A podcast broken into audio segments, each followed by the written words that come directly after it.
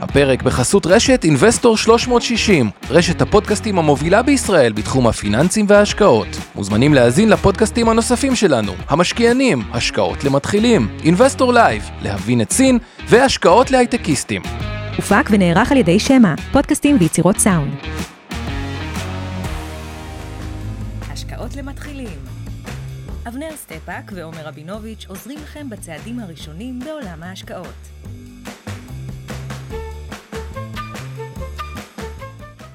אז ערב טוב לכולם, היום על תפקיד אבנר אה, סטפאק שמראיין איתי אורן ברסקי אה, מאינבסטור.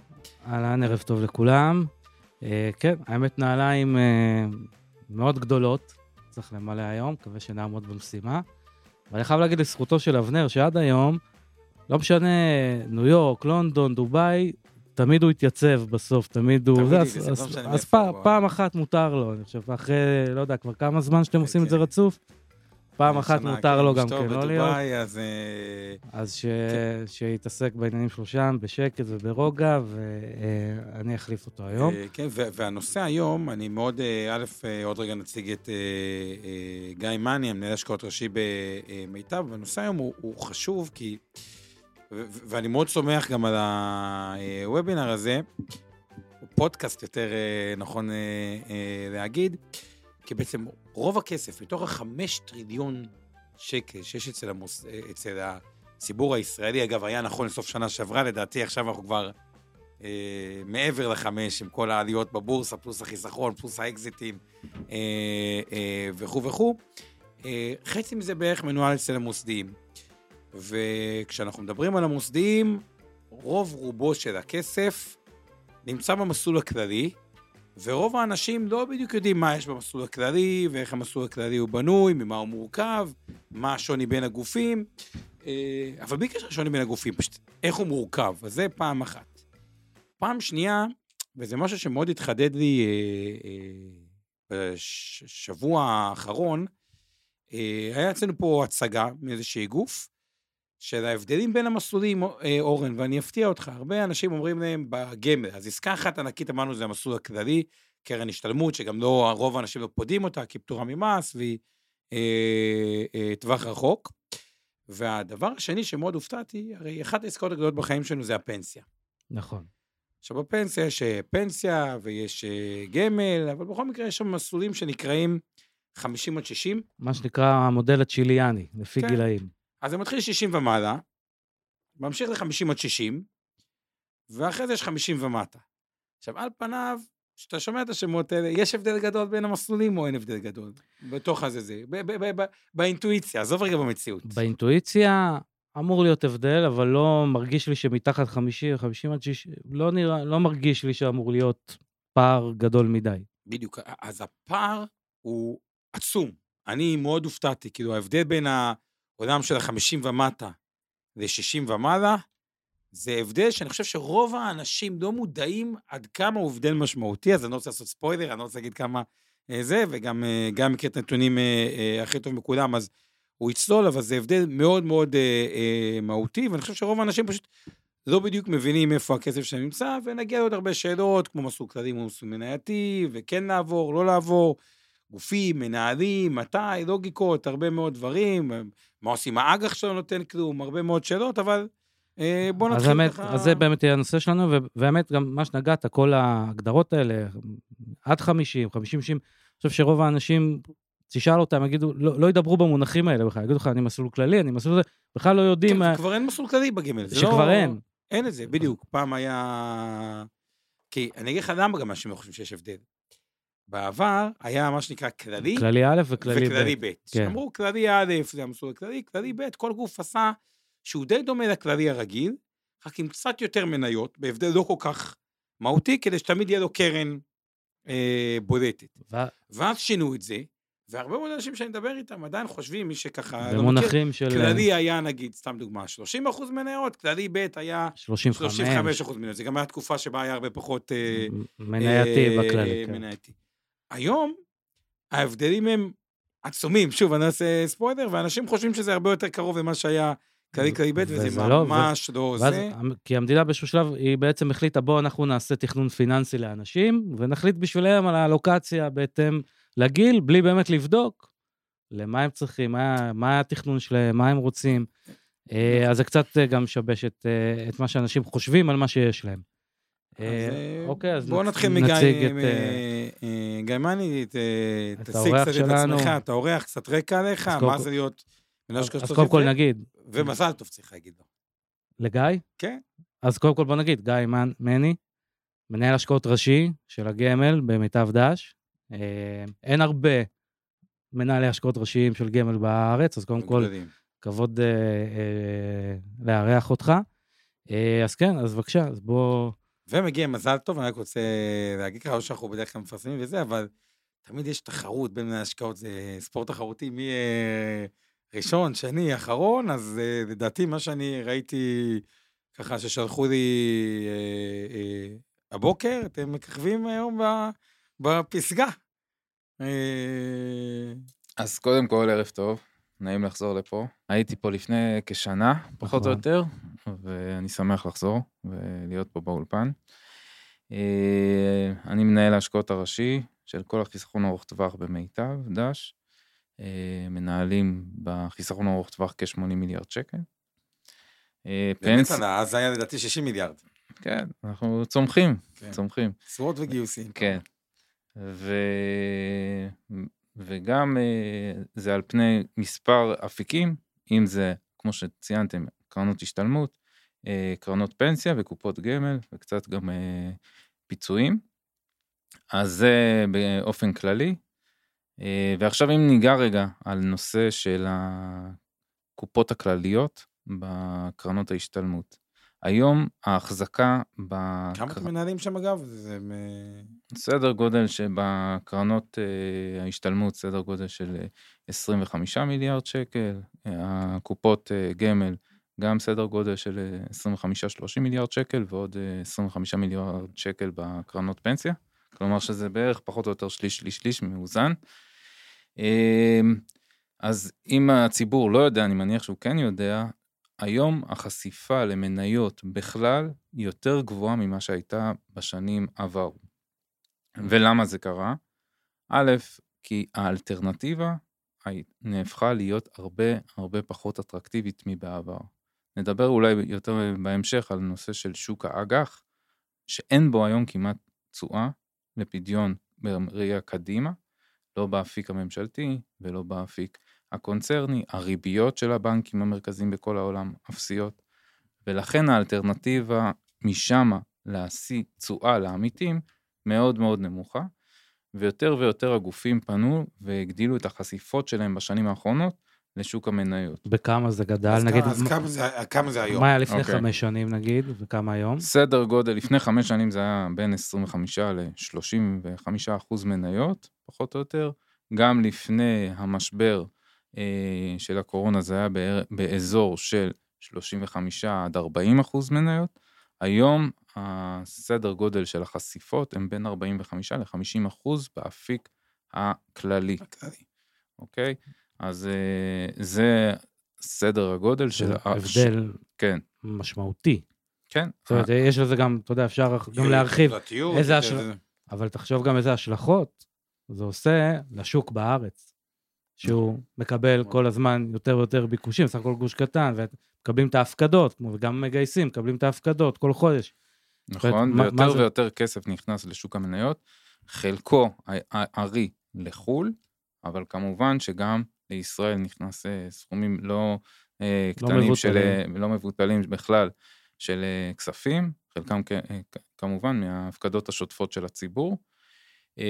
והסדר גודל היום שעומד של החשיפה המנייתית היא בערך 70 אחוז לחו"ל, 30 אחוז לישראל. יש גופים שיותר נוטים לחו"ל, ויש. אה, גופים שיותר נוטים קצת ל- לישראל. יש פה ש- סדר. שזה אגב, עומר, אני חייב אולי גם לשאול אותך, כי אתה הרבה עסקת בהשוואה הזאת, זה דווקא חדשות די טובות לחוסך הישראלי, שבבסיס שלו הוא מאוד מאוד סולידי ושמרן, בטח לעומת מה שקורה בעולם, בארצות הברית, זה דווקא חדשות טובות בשבילו, ירצה או לא ירצה, קצת מכר- מכריחים אותו להיות טיפה יותר מנייתי. אה, כן, אבל אני אומר את זה לטובה ולרעה, למה? כי אם הוא מבין את זה, אז אחלה. הרי מה הדבר הכי מסוכן בהשקעות? לא אה, להבין. ככה אנקדוטה. לא להבין מה אתה עושה. להיות מופתע. כי כשאנשים מופתעים, הם מתחילים לעשות טעויות ושטויות. זה ה... עכשיו, אם אתה יודע שזה 50% מניות, ברור לך שבמשבר זה יכול לרדת 25%, וזה בסדר, כי במשבר ממש קשה יכול להיות 50%, או במשבר יותר קל, נגיד 30% מהשיא, אמור להיות ב-15% ועוד טיפה אפילו באג"חים, כלומר 15-18%. עכשיו, כל בן אדם מבין את זה, ויודע לחיות עם זה, ולא מופתע מזה ועושה שטויות, זה מעולה. אם הוא לא מבין את זה, ולא כל מי ששומע אגב את הפודקאסט, בגלל זה זה הכל חשוב לי ולאבנר שהקמנו את ההשקעות למשקיעים, אז הוא מרגיש, יכול להרגיש מרומה או מופתע על דברים כאלה, ולעשות איזה שטות בדברים האלה. אז כלומר, אז ראשית אני חייב לציין שכל שנה גם נשלח לכל העמיתים, לכלל העמיתים, המדיניות ההשקעות של כל קופה וקופה. כמה יש חלק. שפותחים כן, ויש. חלק שלא פותחים את מתוך המעטפות. המאה אחוז שמקבלים, יש גם אחוז אחד שההשקעה מסתכל על זה. אגב, כן. זה גם עובד אבל הפוך. הרבה פעמים שומע על אה, אה, ביקורת על מה השוק עשה אה, 10 והגמל שלי עשה רק 7, הם לא טובים, אני עובר. כן. בסדר, אתה רק 50 רק אחוז. 50 אחוז, לא... נכון, נכון. נכון. אז גם חשוב לציין שהשנה היא שנה יחסית מאוד מאוד טובה עבור כלל החוסכים נכון. במדינת ישראל. אה, השוק, גם המקומי וגם כמובן השווקים בחו"ל היו מאוד חיוביים. האמת, בארץ די מוביל גם כן כן, את ה... כן. בממוצע זה עשה איזה 11 ומשהו, לא, אתם כמובן בפסגה זה 100, אבל הממוצעות הממוצעות הן 11. סדר גודל שפורסם תחזיות לנובמבר בקרנות ההשתלמות הכלליות הם ממוצע של מעל 12 אחוז. 112 אחוז, אתם אה, כמובן מעל הממוצע, אבל זה כן. מן הסתם יותר בפסגה. כן, אה, אוקיי, אז זה 50 אחוז מניות, נכון. אה, אבל כמו שאמרנו באג"חים אין... אה, אין כמעט תשואה. אז מה עושים? אז ככה, אז אנחנו אה, בחרנו כבר על פני מספר שנים אה, לבחור את האפיק של כל ההשקעות האלטרנטיביות, כל התחום שנקרא לא שכיר. אה, אז במיטב דש עשינו הרבה מאוד עבודה, הקמנו צוותים לאורך כבר ארבע שנים, ואנחנו מבצעים כל הזמן השקעות בצורה של בצירים על פני מספר אפיקים. אחד, זה אפיק של נדל"ן, נדל"ן ריאלי, השני זה תשתיות, השלישי זה כל התחום של האשראי, הר- והרביעי זה קרנות ההשקעה האלטרנטיביות, private equity שזה נקרא. all in all, היום פחות או יותר סדר גודל, אנחנו מחזיקים כ-20% מהקופות הכלליות בתחום הלא שכיר הזה, שנקרא כל הנושא אה. של ה... מה שמניתי, הארבעה אפיקים השונים. זה- זה וה-30 נשמע- אחוז, וה-30 אחוז... וה-30 אחוז האחרים זה מזומנים שאנחנו יושבים עליהם גם, אה, למקרה שיהיה הזדמנויות נוספות, אה, בסדר גודל של חמישה-שישה אחוז, עשרה אחוז אג"ח ממשלתי, מאוד יחסית קטן לבעבר, אם דיברנו בעבר על אחוז כמה אה, היה באמת? 30-40 אחוז אג"ח ממשלתי, שהיה תשואה, וגם גם? קונצרני היה 20-30 אחוז. היום בשניהם צריך להבין, אין כמעט תשואה. הסיכון עולה על פני הסיכוי. אה, הציבור, שאני אזכיר, סך הכל לפני שנה וחצי היינו בסוג של משבר, והייתה יציאת אמוק מהאפיק הקונצרני, המרווחים נפתחו, והיה הזדמנות מטורפת שהיה צריך לאחוז ולקחת ולקנות. כל הדלת הזאת חזרה, נסגרה, קרנות הנאמנות מגייסים. בצורה מאוד מאוד אגרסיבית, המרווחים היום בשפל, אחרי זה אפשר לראות את זה במקרו, במצגת, אה, את הרמות של המרווחים שהגיעו לשפל היסטורי חדש, ולכן זה פחות מעניין. אנחנו יושבים שם רק אה, בדברים היותר סולידיים, אה, כאלטרנטיבה כמובן למזומן, אבל אה, משם לא תבוא הישועה לתשואות העתיד. אז, אז, אז בוא נראה גם מה ככה, ב... שומע אותנו בן אדם, אומר, אוקיי, מה אני יכול לצפות כבר מהמסלול הכללי? אז 50% מניות, אפשר להגיד שבערך מניות עושה 8% בשנה, כמובן, שנה לא מייצגת השנה, כן. עשה... המניות עשו אה, 20 אחוז, אה, 25 20, אחוז. אה, כן, 25 אחוז, אבל בוא נניח 8 אחוז, אז מזה אמור לצאת 4 אחוז. ב-30 אחוז אג"ח, בוא נגיד, הוא צריך לצפות נגיד לחצי אחוז, אחוז, משהו חצי כזה. אחוז, לא, לא נראה לי שיותר מזה, אה. אלא אם כן יהיו הפסדי הון בכלל. חצי אחוז, אבל לפעמים יש קצת אה, עוד יתרון שם מוסדי, לפעמים יש קצת הנפקות, אז מי שלא כן. מכיר, יש שם התחייבות מוקדמת, שמצלמים כל מיני צ'ופרים שהשתתפו בהנפקות, אז נגיד חצי אחוז, 30 אחוז. ב-20 אחוז באלטרנטיבי, שחילקת אותו יפה לנדל"ן, אה, קודם כל, איך זה מחולק נגיד אצלכם בין נדל"ן, תשתיות, תשתיות, שמכיר כביש 6, דברים מהסגנון כן. הזה, נדל"ן, נדל"ן, private equity זה השקעה ב... קרנות, אה, השקעה אלטרנטיביות ב- שונות ב- שתכף אני אגע בהן. בקרנות, והרביעי... אשראי. אה, אה, אשראי. אז איך זה מחולק אצלכם, ומה אפשר לצפות מהאפיק הזה בגדול? אוקיי, אז פחות או יותר אה, סדר גודל של 4% תשתיות, 4% נדל"ן, 5 עד 5.5% private equity, והיתרה זה באשראי. הצפי קדימה הוא קודם כל לא מה שהיה בעבר, כי גם פה הדברים עלו. אנחנו מקווים, וש... ואי אפשר לצפות בדיוק, אבל סדר גודל של 5 אחוז, 6 אחוז, אה, גרוסו מוטו. נדל"ן, מה הוא אומר לתת?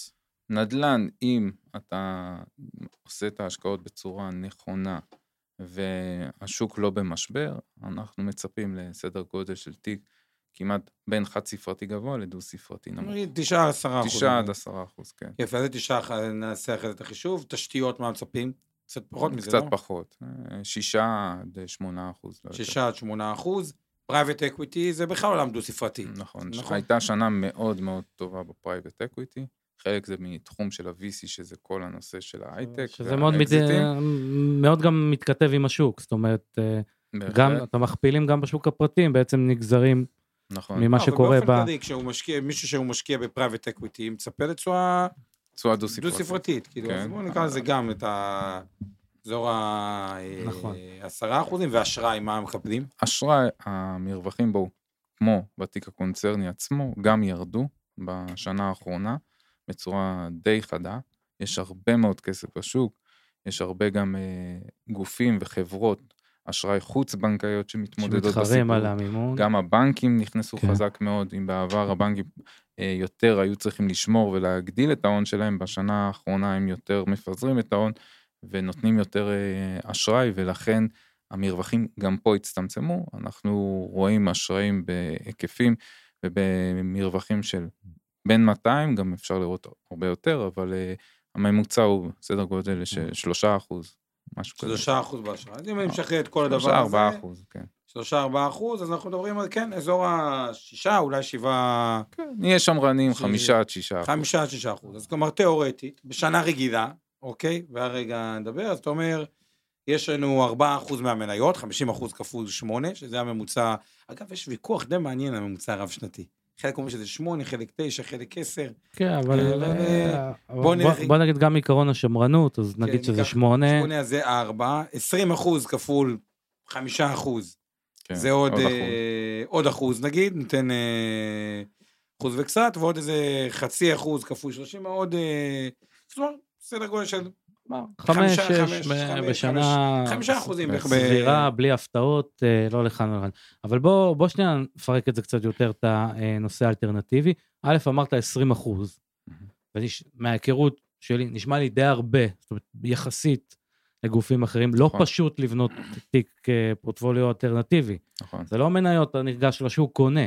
זה משהו שלוקח זמן לבנות, זה משהו שאתה צריך גם טיפה, זאת אומרת, אתה צריך את הראייה קדימה בשביל להגיד, לקחת החלטה אסטרטגית ולהגיד, אוקיי, אני עכשיו מתחיל לעשות את זה. בהחלט. אה, וחלק מההשקעות גם כן שאנחנו מכירים, אולי זה טיפה קצת נושא יותר מתקדם, יש גם עניין של, אה, של ג'ייקר, שאתה בהתחלה לא מרוויח בכלל. זאת אומרת, בשביל שדברים יבשילו גם, ויגיעו לתת לך את המספרים שלהם, זה לוקח זמן. נכון. אז אולי טיפה בוא נרחיב קצת, נפרק את האלטרנטיבי, אולי מתי במיטב אה, אז החלטתם? התחלנו את כל ההשקעות האלטרנטיביות ב-2016, 2017, הגדלנו מאוד ב-2018 גם, שראינו, התחלנו לראות שהאג"חים, אם אנחנו מסתכלים עליהם, רשמו רווחי הון מאוד מאוד משמעותיים, בעיקר האג"חים הארוכים, הממשלתיים, והם לקראת סוף העידן של רווחי הון משמעותיים, אמרנו, אנחנו נחפש את האלטרנטיבה. אלא אם כן תהיה ריבית שלילית.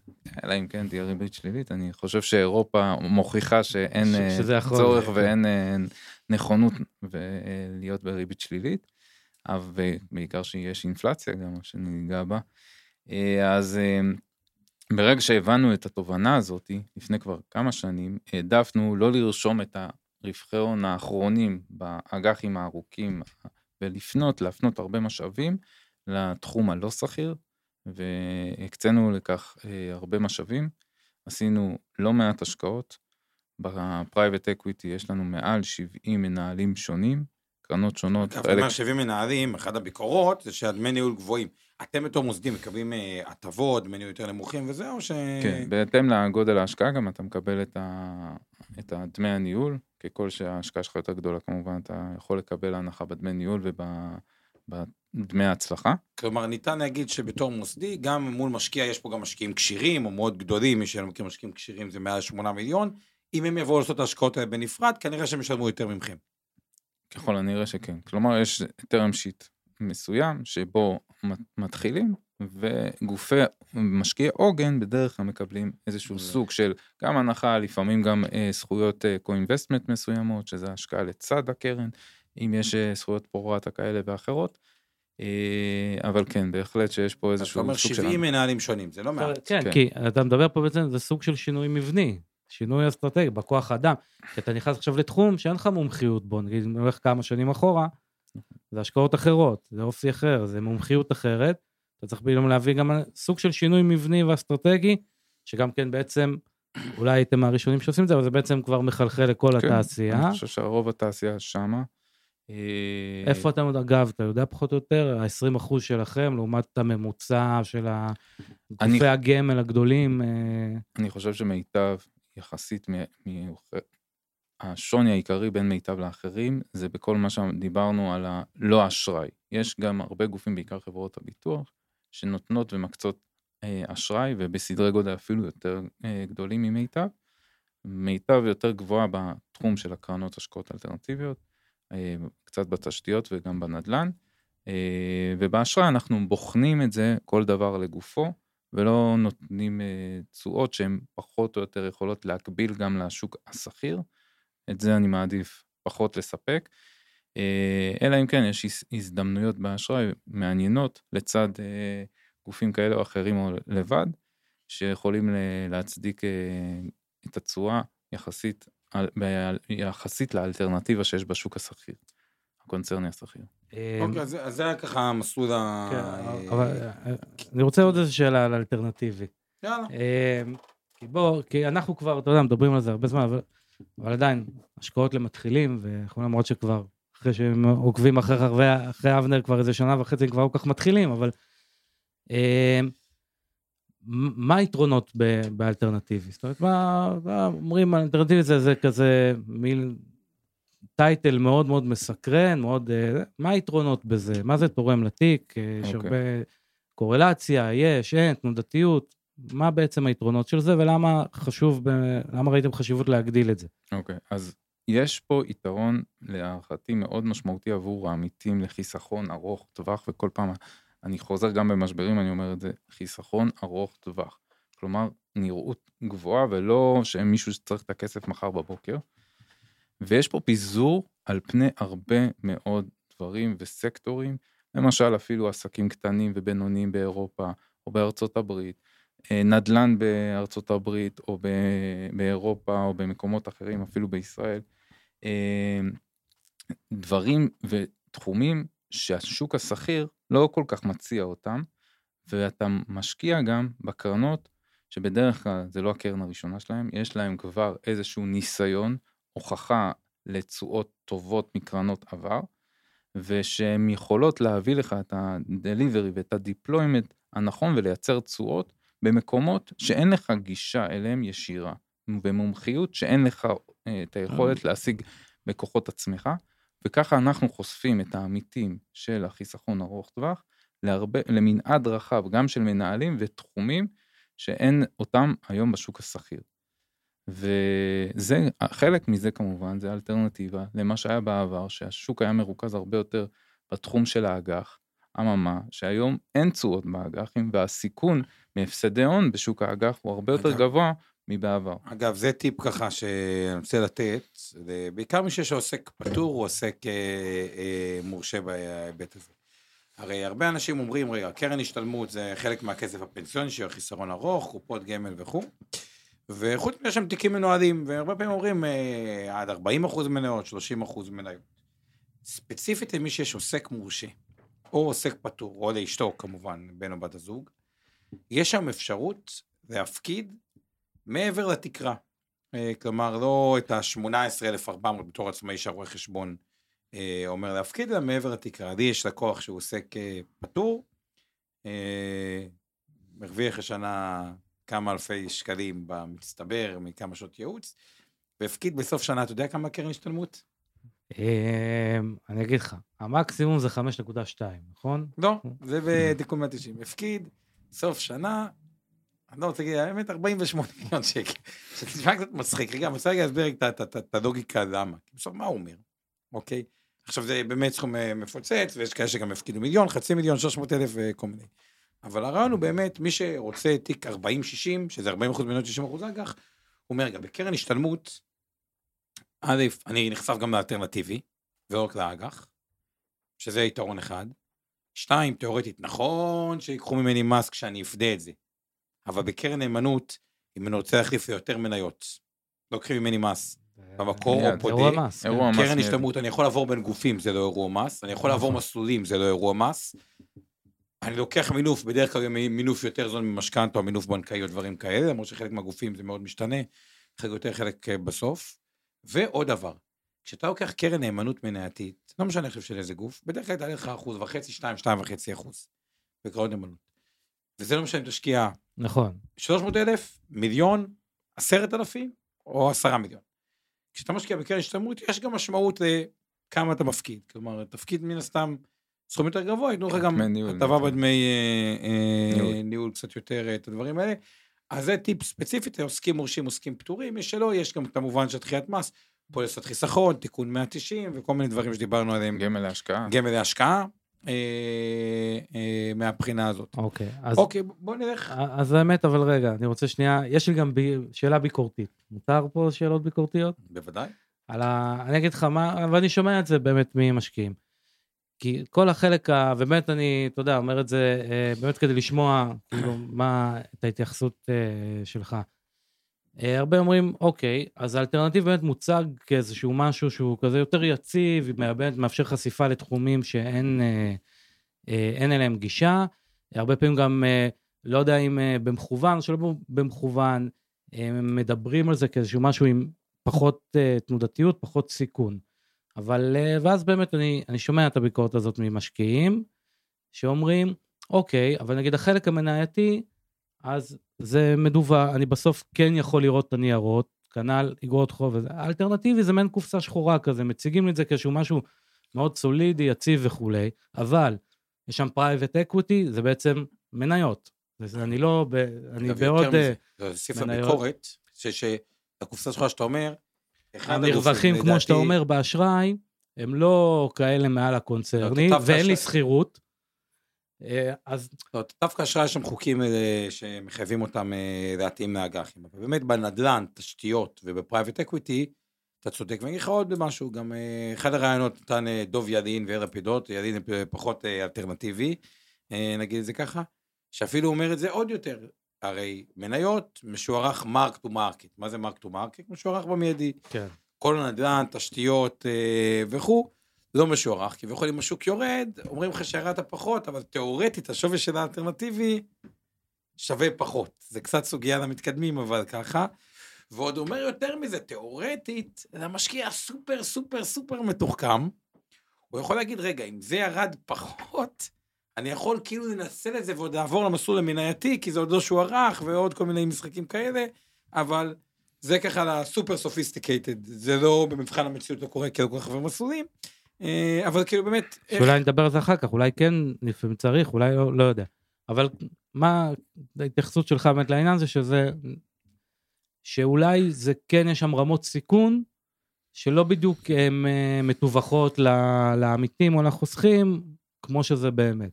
אוקיי, אוקיי, אז, אז קודם כל, בהחלט, כמו שזה נשמע private equity, זה סוג של equity, חלקו לפחות הגדול, ויש בו רמת סיכון. אף אחד לא מנסה להתכחש לזה, וזה לא משהו שלא מדווח. ו, ובהחלט אנחנו גם לוקחים את זה ברכיב של הניהול סיכונים שלנו, כמה החשיפה המנייתית, כמה ה-private equity, זאת אומרת, בתוך האלטרנטיבה. בהחלט, ומייחסים לזה גם כן חלק מהנושא של המניות. זה נכון להגיד גם שנדל"ן ותשתיות קצת יותר בטוח ב private equity? כן, בהחלט, אני חושב ש private equity זה גם הרמות שהוא משיג, התשואות הן יותר גבוהות, גם וגם כן. הסיכון הוא יותר גבוה מנדל"ן ותשתיות. תשתיות לרוב, יש לו קורלציה מאוד נמוכה לשווקים, נגיד סתם דוגמה, שאנחנו משקיעים בשדה סולארי או אנרגיית רוח, בהתאם לכמות הרוח או כמות השמש, אתה מקבל את התפוקה, ובסופו של דבר נשלחים הצ'קים לעמיתים. אה, או אלא אם כן זה משהו, שדה בהקמה, זה, יש תחום של גרינפילד שזה אה, הקמה של אה, תשתיות, ויש בראונפילד שזה כבר משהו שעובד. אה, ובנדל"ן אותו דבר, שיש לך עסקאות multi family, אז הרגישות העיקרית זה לתחום של הריבית ולשכר דירה, ואם יש מיתון או אין מיתון, ולרוב, וראינו את המשבר הכי גדול בשנה האחרונה של קורונה, ועדיין סך הכל אנשים רצו כמובן יותר... מחירי ה multi family רק עלו. רק עלו, נכון.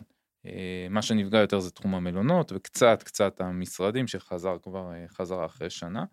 אה, ב private equity אז נכון שיש לזה קורלציה יותר גבוהה לשווקים, ב delay של עד רבעון, כי כל רבעון אתה משוערך, אבל לרוב הקורלציה יותר נמוכה משוק המניות עצמו, כי קודם כל זה בתחום של אה, תחומים שונים, כמו חברות buyout, אה, כאלה ואחרות שרוכשות חברות פרטיות, משביחות אותן, ו, ומשנות את כל האסטרטגיה, ולפעמים אה, שולחות אותם לייצוא ולדברים שמשביחים מאוד גם את הרווחיות של החברה, ובסופו של דבר יכולים להביא ל- להנפקה או לאקזיט.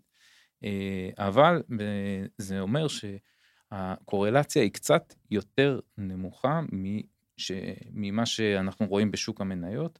תמיד יש איזשהו delay, ובסופו של דבר אה, אנחנו ראינו ש private equity לאורך זמן נותן את התשואות הדו-ספרתיות, גם כזה, שהוא אגב, עבר משברים. ואני רוצה להגיד לך עוד משהו, לפחות כאילו בישראל, ממה שאני ככה מרגיש. באמת הצטבר פה, בגלל שהמוסדים הישראלים התחילו לפתח בזה מומחיות, תוסיף לזה את המוח היהודי, כאילו אומרים את זה חצי בציניות, אבל זה לא, תשמע, קח קרנות, כמו ישי דודי, פורטיסימו, ישי דודי זה... פימי, פימי. שאנחנו מושקעים שם. פורטיסימו. אה, האמת היא שמגוון, לא- לא לא אגיד את כולם, הם באמת נתנו תשואות דו-ספרתיות של 20 פלוס ו-30 פלוס לשנה. ולאורך שנים. חלקם, ולאורך נכון. שנים. ו... ו... ובסוף גם יש מזה היגיון, כי בסוף, בסוף, בסוף, אני מסתכל על עסק ציבורי, הוא מקבל מימון זול ואג"ח זול, וזה עסק פרטי, הוא בדרך כלל לא מנוהל אופטימט, לא מבחינת מבנה ההון שלו, הרבה פעמים הוא פחות מדי מינוף, כלומר אין, אין לו הרבה אה, חוב, ואין מה לעשות, הוא לא תמיד מנוהל באיזה אותו בעלים הרבה שנים, יש הרבה מקום לשפר, ומי שעשה מתודולוגיה והצליח להשביח 20 חברות, סיכוי טוב שהוא גם יעשה ב-21, כלומר אה, יש בזה גם לוגיקה אה, כלכלית די חזקה. ועוד אומרים את זה, מי שכשהוא מדבר על קרנות שכבר הוכיחו את עצמם, הרבעון הראשון של הקרנות, לעומת הרבעון האחרון, הוא מאוד מאוד אה, קיצוני, וגם המוסדים לא. לדעתי עושים סך הכל עבודה עם השנים. זה היה בסך הכל, אה, אה, הצפתי בעיה כן. שבאמת יש איזשהו אה, חוסר, אה, רק מילה אחת על הנושא של ה private equity נוסף, זה שבקורונה להרבה מאוד קרנות השקעה היו הרבה מזומנים שהם לא ניצלו אותם וניצלו אותם תוך כדי המשבר, לרכוש או חברות או הזדמנויות בשוק, ואנחנו רואים את התשואות הטובות עכשיו. מוכיחות את להבשיל. עצמן בשנה האחרונה. אז בגדול, בשביל רק לסגור את הנושא של החלוקות, אז באמת יש פה איזושהי מגמה. עד לאן אתה רואה את זה מגיע, או מה הצפי, בטח יש לכם גם במיטב תוכניות לשנים הקרובות. איך אתה רואה פחות או יותר את האלוקציה הזאת, איך היא ממשיכה להתפתח, נשארת במקום, הולכת קצת אחורה באיזונים. אני חושב שכל עוד לא נראה אלטרנטיבה בשוק האג"ח, והריביות יישארו נמוכות, גם אם הם יעלו בשנה הקרובה, אבל יעלו יזחלו. ברבע אחוז, חצי אחוז, אחוז אפילו, ולא תהיה אלטרנטיבה, אז אנחנו נראה אה, את עצמנו ממשיכים, כמו בצורה מאוד מאוד מתודולוגית ואסטרטגית, ל- להשקיע בכל הנושא של, ה, של הלא שכיר. סדר גודל של ה-20% נשמור עליו. המניות, אגב, אה, כרגע הן לא הכי זולות בעולם, אבל אני לא חושב שהיום אנחנו צפויים לראות ירידה באחוז ההחזקה במניות, בחשיפה עצמה, ואולי בעתיד אפילו כתוצאה מהאי אלטרנטיבה שיש בשוק האג"ח, אולי אפילו עוד יותר אה, נלך ונגדיל את החשיפה לשם, כמובן אם יהיו הזדמנויות יותר אה, משמעותיות. אה, וישראל חו"ל נשמע די סביר, 30-70?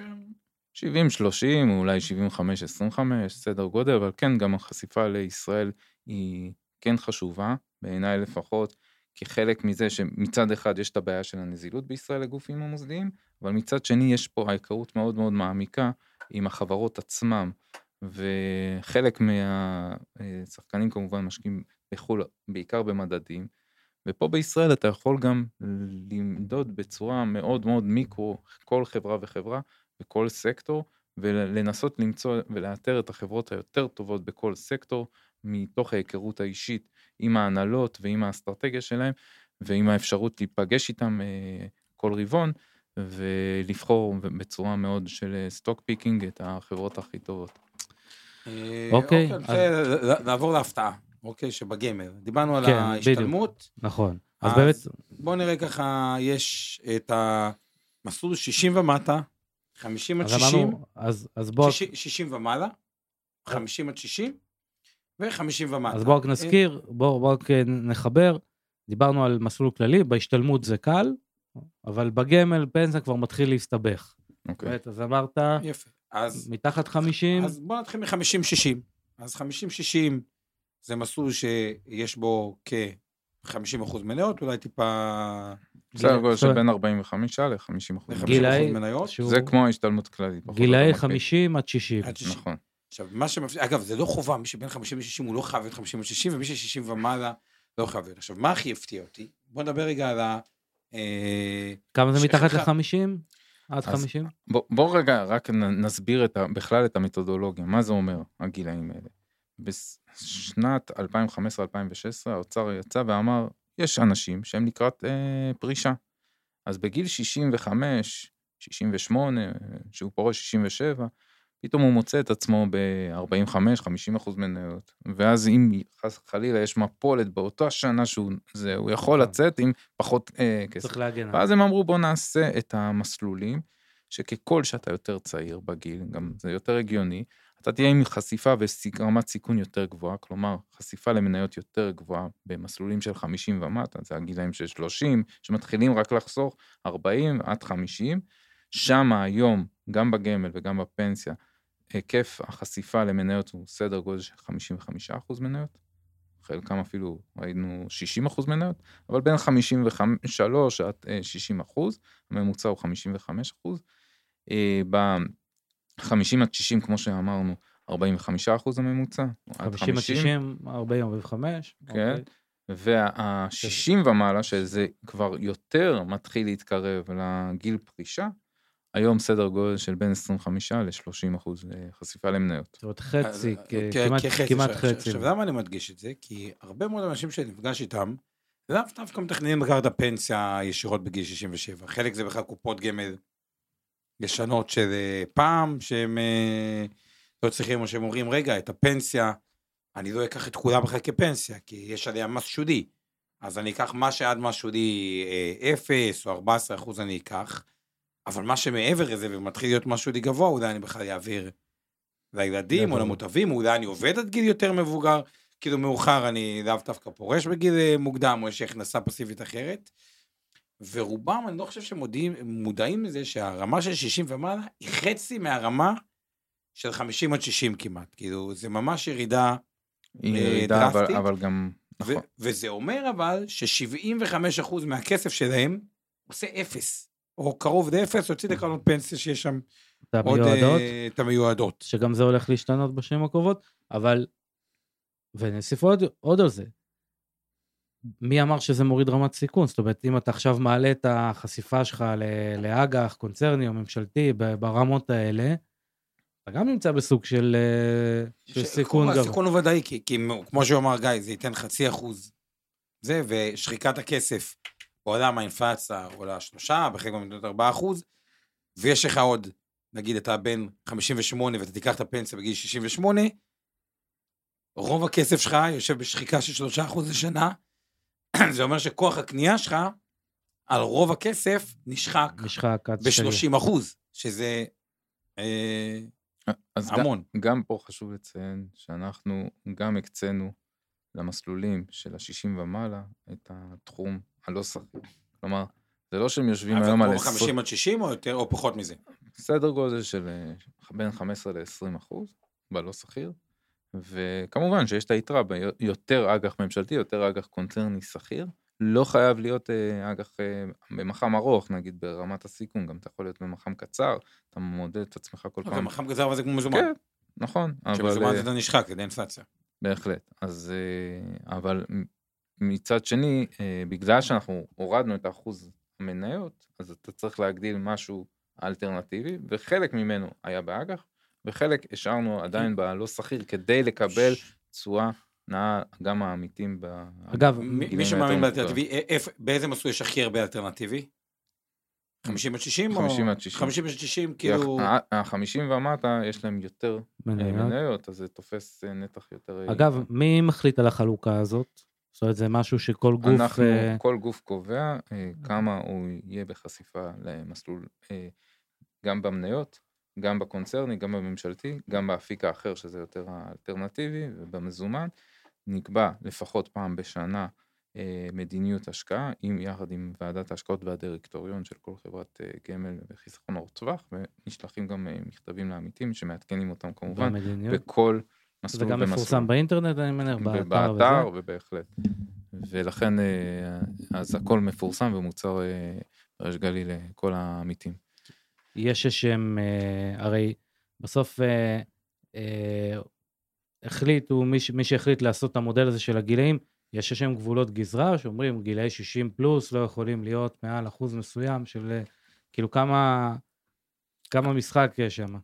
בעבר אה, עשינו כל מיני בדיקות, גם על נושא של התשואה בשוק המניות וכמה הוא משיא תשואה, אבל מצד שני צריך לקחת את הרמת סיכון, שאם חלילה יש משבר, אז כמה ההתקרבות לגיל הפרישה לצד משבר, מה זה יכול לגרום ולגזול מהפנסיה שנקבעת ו- לאותו עמית. ולכן אה, בחרנו להוריד את רמת הסיכון ככל שגיל הפרישה. יותר קרוב. אגב, גם צריכים כטיפ להגיד את זה, הרבה אומרים לי, רגע, אני כבר בן 60, מה יקרה עם משבר? אני רק אומר, גם את העיתוי של לפרוש, עמית לא רואה, אם יש משבר, הוא לא חייב לקחת את הפנסיה בגיל 65, הוא יכול לקחת את זה בגיל 66, או 67, נכון. כלומר, גם ברמת האזרח הפשוט, מי שאומר, אוקיי, וזה הרבה פעמים טיפים שאני נותן, כמובן זה פרטני, ואין אולי תחליף לייעוץ אישי וכו', אבל אם אתה 50 עד 60, שבתוחלת אמור לעשות מן הסתם תשואה יותר טובה מה-60 ומטה, במקרה נפלת על שנה לא טובה שאתה רוצה בגיל 65, אין בעיה לחכות שנה או שנתיים, ואז להתחיל לקחת את הפנסיה, זה הכל. רוב האנשים יוצאים לפנסיה גם עם חסכונות, כלומר, ולא... כן, וגם אה, צריך להגיד, אתה לא, זה לא כאילו, זאת אומרת, זה לא, אה, אף אחד לא מצמיד לך אף אקדח, אתה יכול לבחור את המסלול שאתה רוצה. נכון, אבל זה ככה מה שיש במסלולים. עכשיו, עוד טופיק שנשאל הרבה, זה אחד מהדברים שאנשים אומרים לי, תשמע, מצד אחד, ואני רוצה לשמוע את דעתך בעניין, מצד אחד אומרים לי, תשמע, אתה יודע מה אני אוהב במסלול הכללי? שיש בו את האלטרנטיבי, ו-20 אחוז, ואני מבין את היתרון שלו על פני האג"ח. יש אפשרות גם מינוף באלטרנטיבי, באמת, גם אה, באלטרנטיבי. בכללי, כן. מצד שני, זה מינוף זה נושא אחר, מצד שני, בסוף איך שאני מסובב את זה, אה, מנייתי, בדרך כלל נותן את התשואה הכי טובה לאורך זמן, נכון, התקפי לב בדרך וכל ה... אה, וכו' וכו' וכו'. ואני שם רגע את הגמל בצד, אני רוצה לדבר כאילו ספציפית על הקרן השתלמות, כי זה נשאל הרבה, ואז אומרים לי, תשמע, אומר, בתכלס, קרן השתלמות, בוא נחשוב עליה, אוקיי? הרי עד הפנסיה בדרך כלל רוב האנשים חוסכים כסף בשוטף, בכלל לא מוצאים כסף להוציא את ההייטק שרגע אני שם, יכול לקרות לו משבר אה, אה, אה, אה, בדרך, אבל הוא גם ציבור עם יותר חסכונות בדרך כלל. אז כלומר, עד הפרישה אני בשלב של צבירת כסף. בפרישה אני פורש, נגיד אני צריך להתחיל לאכול את החסכונות שלי, אה, אני גם מקבל ירושות בדרך כלל סביב הגיל אה, פרישה. אה, אז אני רק אז אבזבז את כל הכסף הנזיל, והדבר האחרון אחרון שאני אגע בו, זה הקרן השתלמות, כי היא פטורה ממס, אז אני לא אקח, כי אני אקח קודם כל את הכסף נזיל, כלומר עד הפרישה אני צובר כסף, בפרישה אני קודם כל את הנזיל, ורק בסוף קרן השתלמות. בתכלס שאני חושב על זה מבחינה תכנונית, כנראה שקרן ההשתלמות יהיה כרטיס כניסה שלי לבית אבות, לדיור מוגן, בהנחה שאני לא רוצה למכור את הבית. בהתחשב בזה, אה, וזה נתון מדהים שאמרת לפני זה, רק שמונה, כמה אמרת? שמונה אחוז? אה, שמונה אחוז מהחוסכים אה, נמצאים במסלול מנייתי בקרן השתלמות. ש, אה, שלעומת הפנסיה והגמל, שגם שם האנשים נוטים להיות, אה, למרות שכאילו טווח הזמן הוא יותר... אבל, אבל יש יותר אנשים שנמצאים במנייתי, בפנסיה ובגמל, מאשר בהשתלמות. שדווקא כשחושבים על זה, ה-time horizon של קרן השתלמות, הוא כאילו יותר קצר, אבל בפרקטיקה יותר ארוך. כי בפנסיה יש לך את המפגש בגיל 67 שאתה תפדה אותה, בהשתלמות כנראה שאתה לא אמור לפדות אותה עד הפנסיה, כי זה הכסף האחרון שאתה נוגע בו, ואף אחד לא יישאר בלי כסף, רק כשאין לך כסף לדבק, או ללחם, או נכון. לחלב, אתה... אבל זה זה, טוב, זה באמת כי אנשים תופסים עדיין, רוב האנשים תופסים עדיין, ואנחנו אה, צריכים להגיד לצערנו, כי זה אה, מכשיר פנטסטי, תופסים את זה כמשהו שהוא יותר לטווח הבינוני, מחכים שיעברו השש שנים ו- ולבדות הרוב- ולהוציא. אגב, הרוב לא פודים את זה, לדעתי האחוזי פדיון הם ממש נמוכים, לא? נמוכים. אני מקווה שמתוך ההבנה והחינוך הפיננסי של הציבור, ככל שאנשים ידחו את הפדיון של קרנות ההשתלמות, זה יותר ישתלם להם לצבור ולצבור את הכסף שלהם לעתיד, כן, אבל כ- יש- כאלטרנטיבה לפנסיות שאנחנו גם לא יודעים מבחינת המקדמים והתוחלת חיים, אז, אז זה עוד חיסכון הוני בצד. קרנות ההשתלמות זה יתרון מאוד מאוד משמעותי, כמה שיותר לצבור ולא לפדות אותם לפני המועד. אגב, אז, אז בוא רגע, אז רגע, אני רוצה לשאול, נגיד שמישהו מקבל את הניתוח שאני כרגע אמרתי, כלומר, הוא אומר, וואלה, באמת, קרן השתלמות, אני כנראה לא אפדה אותה, עד, לא רק עד הפנסיה, זה הכסף החירום שלי בפנסיה, אם הפנסיה לא תספיק, למה לא בעצם, או להיות במסלול המנייתי ולא בכללי, או תן את ה- תן את התזה כאילו, מה להיות, ואז אני רוצה לדבר רגע, שיחה פתוחה, אורן, גם לשמוע, אני אגיד את דעתי, גיא, את דעתך, על לפעמים לנסות לתזמן החלפת מסלולים, או איזשהו קווים שקשה לתזמן, מצד שני, מן הסתם, שהשוק יורד 50 אחוז, זה נראה מקום אה, די טוב לקחת בו חשיפת אה, יתר וסיכון מנוי, אבל קודם כל לגבי קונספט של למה לא במסלול מנייתי או כללי. אז קודם כל, מבחינת התוחלת, שוק המניות בדרך כלל משיא את התשואה הכי גבוהה. ולכן, על פניו, ההיגיון, להיות במסלול המנייתי, לאורך זמן. אבל מה, אנחנו יודעים שלרוב במסלול מנייתי, כמו שיש את התוחלת שהיא יותר גבוהה, הסטיית תקן היא יותר גבוהה. ויש משברים בדרך.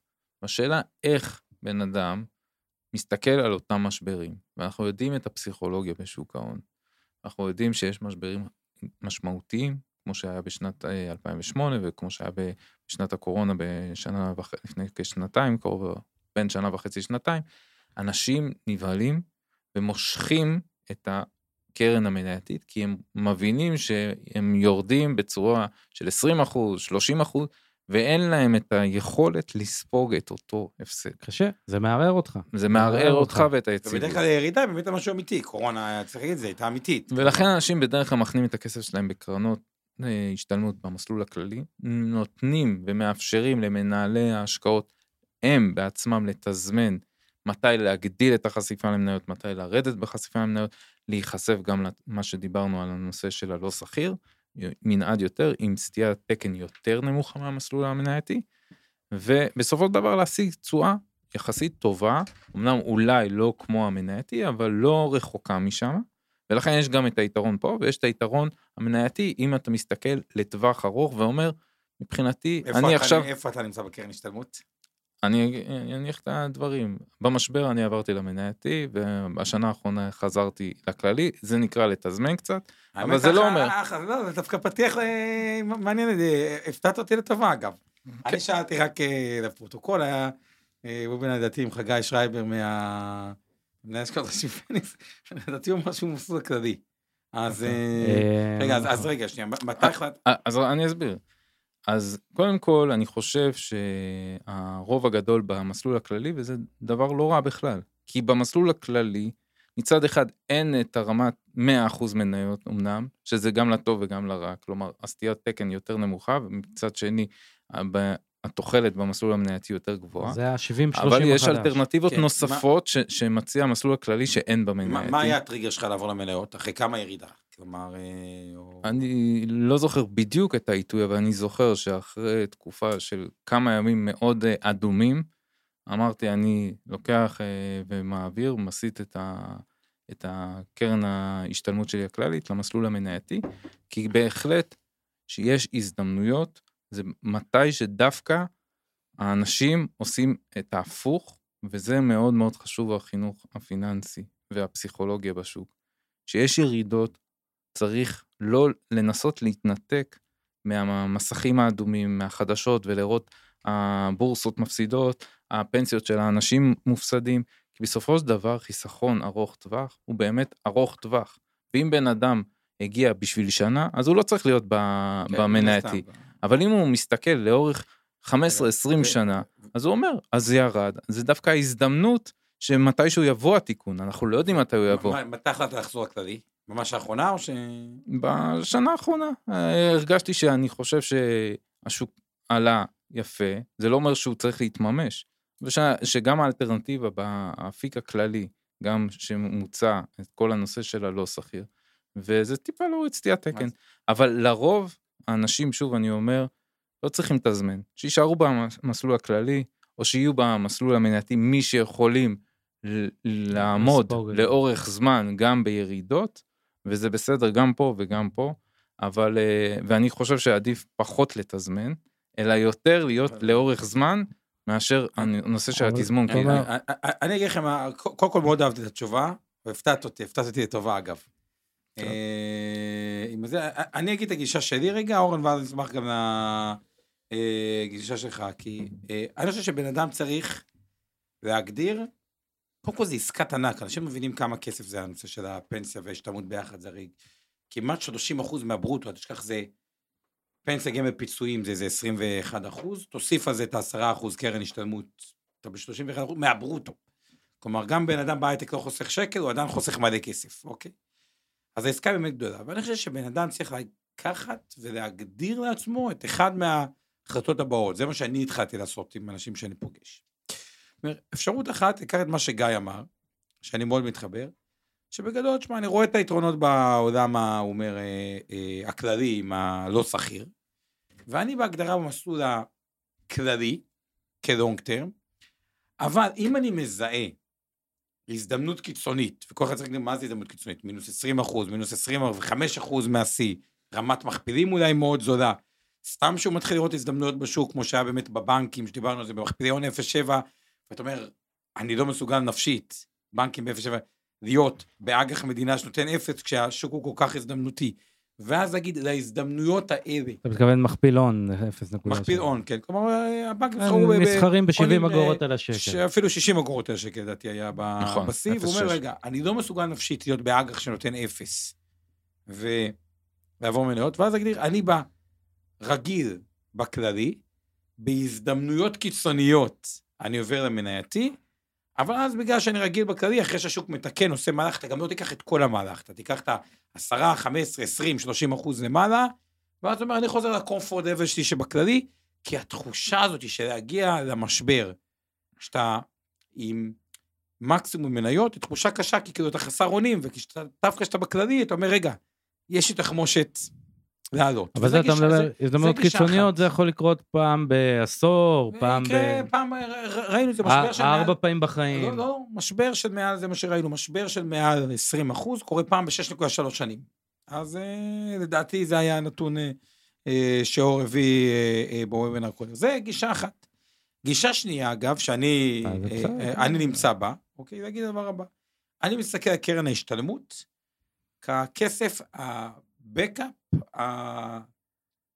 באמת האחרון. כלומר, קודם כל נזיז את הדברים האלה, ואז זאת אומרת הדבר הבא הפוך, אתה אומר, אני תמיד במסלול המנייתי, ורק במקרים שאני כאילו מזהה יקר להחריד, כלומר שאני כבר מרגיש ממש לא בנוח עם השווקים, כלומר הפוך מה- מהקודם. בכללי, אני בכללי, כי, אה, אה, רק כשאני מזהה יקר להחריד, אני יוצא מהמניה. אז אני יוצא לכיוון הכללי. כלומר, זה אחת מהגישות שאנשים צריכים אה, לגבש.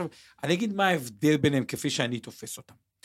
אוקיי, השוק, אני מחלק אותו זול, יקר והאפור. מה זה האפור? האפור זה שיש אה, נתונים סותרים. כלומר, מצד אחד יש היום, אה, השוק מניות היסטורית הוא מכפיל מכירות יותר גבוה מבעבר, מכפיל רווח יותר גבוה מבעבר, ועדיין יחסית לאלטרנטיבה הוא נראה מאוד מאוד... סיכון, מאוד מאוד זול. עכשיו, זה מה שאני קורא נתונים סותרים. אנשים חושבים שלוקחים את המשפט נתונים סותרים והופכים את זה ליקר. לא, אז בגישה הראשונה של גיא, בנתונים סותרים צריך להיות בכללי, בגישה השנייה שאני אומר, בנתונים סותרים אתה עדיין נשאר במנייתי. מתי אתה עובר? אתה רואה מצבים שגם המכפילים יקרים, גם האלטרנטיבה אולי פתאום באג"ח היא 2% או 2.5%, והמכפילים מעל הממוצע ההיסטורי, כלומר, שיש פחות נתונים סותרים, אלא יותר דברים של יקר אה, בצורה ה- האבסולוטית. נגיד תיקח את 2008, המכפיל היה אולי כמו שהיום, אבל אבל אג"ח היה- חמישה אחוזים. נכון.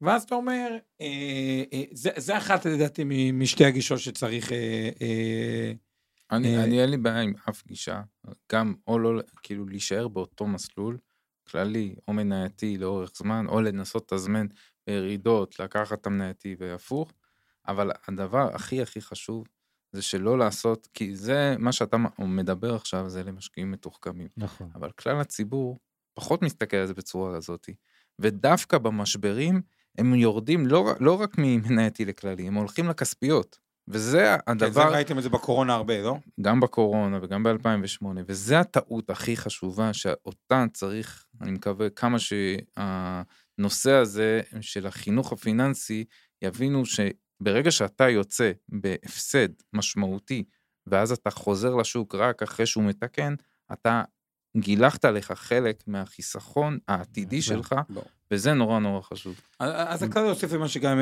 גם אם בכלל בגישה הראשונה, שנגיד הכללי ושזול מובהק למנייתי, לא משנה מה, אם הגעתם כבר למשבר, שזה מינוס 10, מינוס 15, תעצמו עיניים, תהיו עם בחירה וזה, אז כבר לא מזיזים, גם אם אתם במנייתי אגב, וכבר הייתה הירידה, לא זזים, אה, אה, בתוך הירידה. אני, אני אגיד ככה, קודם כל, אני חושב שרוב האנשים, כמו שגיא אומר, הרוב המכריע שלהם, עדיף שיעשו את הבחירה ו... ולא ייגעו. אה, עכשיו, בכל... אני גם לא מסכים עם זה. אני חושב, אני, אני חושב שכאילו, מי ש... שוב, למשקיע רגיל, יכול להיות כללי כל החיים, אה, או, או כל החיים, אה, אני חושב שלגבש, אני אגיד לך פשוט מה הבעיה במה שאתה אומר. לדעתי, אבל אני... אפשר להסכים או לא להסכים. אה, כשבן אדם חושב שאין לו שליטה על משהו שהוא פסיבי, שהוא קיבל החלטה כביכול לכל החיים, אה, יהיה לו קשה לעמוד בזה, כי כאילו הוא אומר, רגע, מה, אני... כן, אבל, אבל פה השליטה היא על אדם- עצמו. כן, אבל דווקא אני חושב שלפתח איזשהו כללי אצבע, שאתה אומר, כן יש לי שליטה, אוקיי? שליטה במודעות. כלומר, אני דווקא... נכון, אבל אנחנו, אתה יודע, יש איזה הרבה, פה אנחנו מדברים על משהו שהוא, אנחנו מדברים על המכשירים הפסיביים, המנוהלים שלך, לטווח ארוך. יש אנשים מתעסקים גם בעוד דברים, יש להם את התיק העצמאי שלהם, יש להם עוד... אה, בסדר, אני, אני רק... אבל בסדר, תראה, מי שעוקב פה אחרינו ושומע וזה, יכול להיות שהוא כן אה, יותר בקטגוריה של קצת יותר עם היד על הדוק, קצת יותר מבין, קצת יותר ידע מתי הסיטואציות. אני אומר, רוב המכריע של האנשים בסוף, אין מה לעשות, הם לא שם. אז אני אומר, באלטרנטיבה בין ל- לנסות אה, לעשות משהו שאתה לא מספיק אה, בקיא בו, לבין לא לעשות, עדיף שלא תעשה. אני, אני לא יודע גם, אבל בוא, בוא נגיד ממה אני כן מסכים פה. לא לרדת לדעתי בקרן השתלמות, שזה הכסף הפטור, כלומר להגדיר בכל מקרה רמת הסיכון המינימלית שאני לוקח, היא כללית. עם מסלול כללי. אז, כלומר, אז אני רוצה חושב- גם כן להבדיל פה, אני חושב שבכל מה שהוא משלם קצבה, פנסיה, גמל, לא הייתי נוגע בזה. להתחיל שמה, פה אתה עושה טעות שבשלב, אפילו בגיל מוקדם אפילו יחסית, אתה עושה טעות שתעלה לך איזה 10-15 אחוז מהקרן, אתה פגעת לעצמך בטווח אוקיי. הארוך בצורה מאוד מאוד מהותית. לא הייתי נוגע בזה, אולי ככל שמתקרבים באמת לגילאי פרישה, ממש לקראת, כן, אולי להתחיל טיפה להוריד, בשביל לקבע ולהרגיש לישון קצת יותר טוב בלילה. מה שהוא משלם קצבה לא הייתי נוגע. קרן השתלמות זה באמת סיפור אחר. שם אני יותר, אני באופן אישי מסכים איתך ועם הגישה של גיא, משבר, תהיה בכללי, משבר, תעלה למנייתי, כמובן לא המלצה ולא שום דבר, אבל ב- לא, לא הייתי, לא הייתי חושב, אני חושב ש-99.9 מהאנשים, אולי טיפה פחות, במשלמי קצבה, בפנסיה גמל, עדיף שתקבלו את ההחלטה, עדיף להיות מנייתי עד גיל יחסית מתקדם, ולעזוב את זה ככה בשקט. לא, לא, אה, לא חס וחלילה, לא, אבל רוב האנשים שם לא במנייתי, רוב האנשים שם הם בגדול לא. 50 אני חושב שהם צריכים להיות. אוקיי, אז אני רק, תשמע, אנחנו די אה, עוד רגע... מתי עונים פה על שאלות, עומר? מתי השלב שאתם עונים על שאלות? אז אה, בוא תן ככה, כי אנחנו עוד רגע מגיעים לתשע ואנחנו עוברים למתקדמים, אז בוא תן ככה איזה שאלה ככה אה, שאתה רואה, אבל גם לגבי הפנסיה, אה, אני חושב שהתשובה היא טיפה יותר מורכבת. ואני אגיד לך כאילו את ה- את כי ההתלבטויות יש שלי, את השיחות שאני. שעושה עם אנשים, ואני אשמח אולי רגע לשמוע את... אה, אבל אנחנו צריכים לעבור באמת לחלק השני, אבל גיא ממשיך איתנו. גם ממשיך איתנו. אז רק אני אגיד אה, לגבי ה- ה- הפנסיה. כנראה שאם אתה, אה, אתה יודע מה? בוא נעשה ככה, פנסיה זה נושא כל כך חשוב. נושא של שינויי מסלולים או מסלולים בפנסיה, השתלמות הבאנו פה כאילו אנקדוטה, זה אני חושב שזה מצדיק אה, אה, פודקאסט אה, אה, נפרד, אז קודם כל אנחנו עוברים לפודקאסט השני, אז בואו רק נעשה איזה סיכום של זה, אז קודם כל, אה, מה שאתה, תזכור רגע מה שהיה לנו, וקודם כל גיא, אז- אמרנו מסלול כללי היום, 45% מנות סך הכל, 20% אלטרנטיבי. אה, כנראה שהאלוקציה הזאת תישמר, אולי אפילו עוד טיפה חשבון אלטרנטיבי על, אה, על כן. אה, אג"ח ממשלתי וקונצרני. אה, אמרנו אה, פנסיה גמל, ההבדל בין 50, מתחת 50 זה כבר 55% מנות פלוס, 50 עד 60 כמו המסלול, זה מה שנקרא המסלול הכללי, האמיתי, ומעל 60 כבר ירידה ל-25% מניות, פחות או יותר, אמרנו מיטב, יחסית בחשיפה מוגברת לאלטרנטיבית, תהליך ארוך טווח שהתחיל שם כבר לפני אה, כמה שנים, ובשאלה מה עדיף, כללי, מנייתי, אז אמרנו, הכללי נותן לך תחמושת כשאתה צריך. לא, אז, אז אמרנו לבחור אחת משתי הגישות, כן. כאילו זה דעתי אגב, לא זה זה.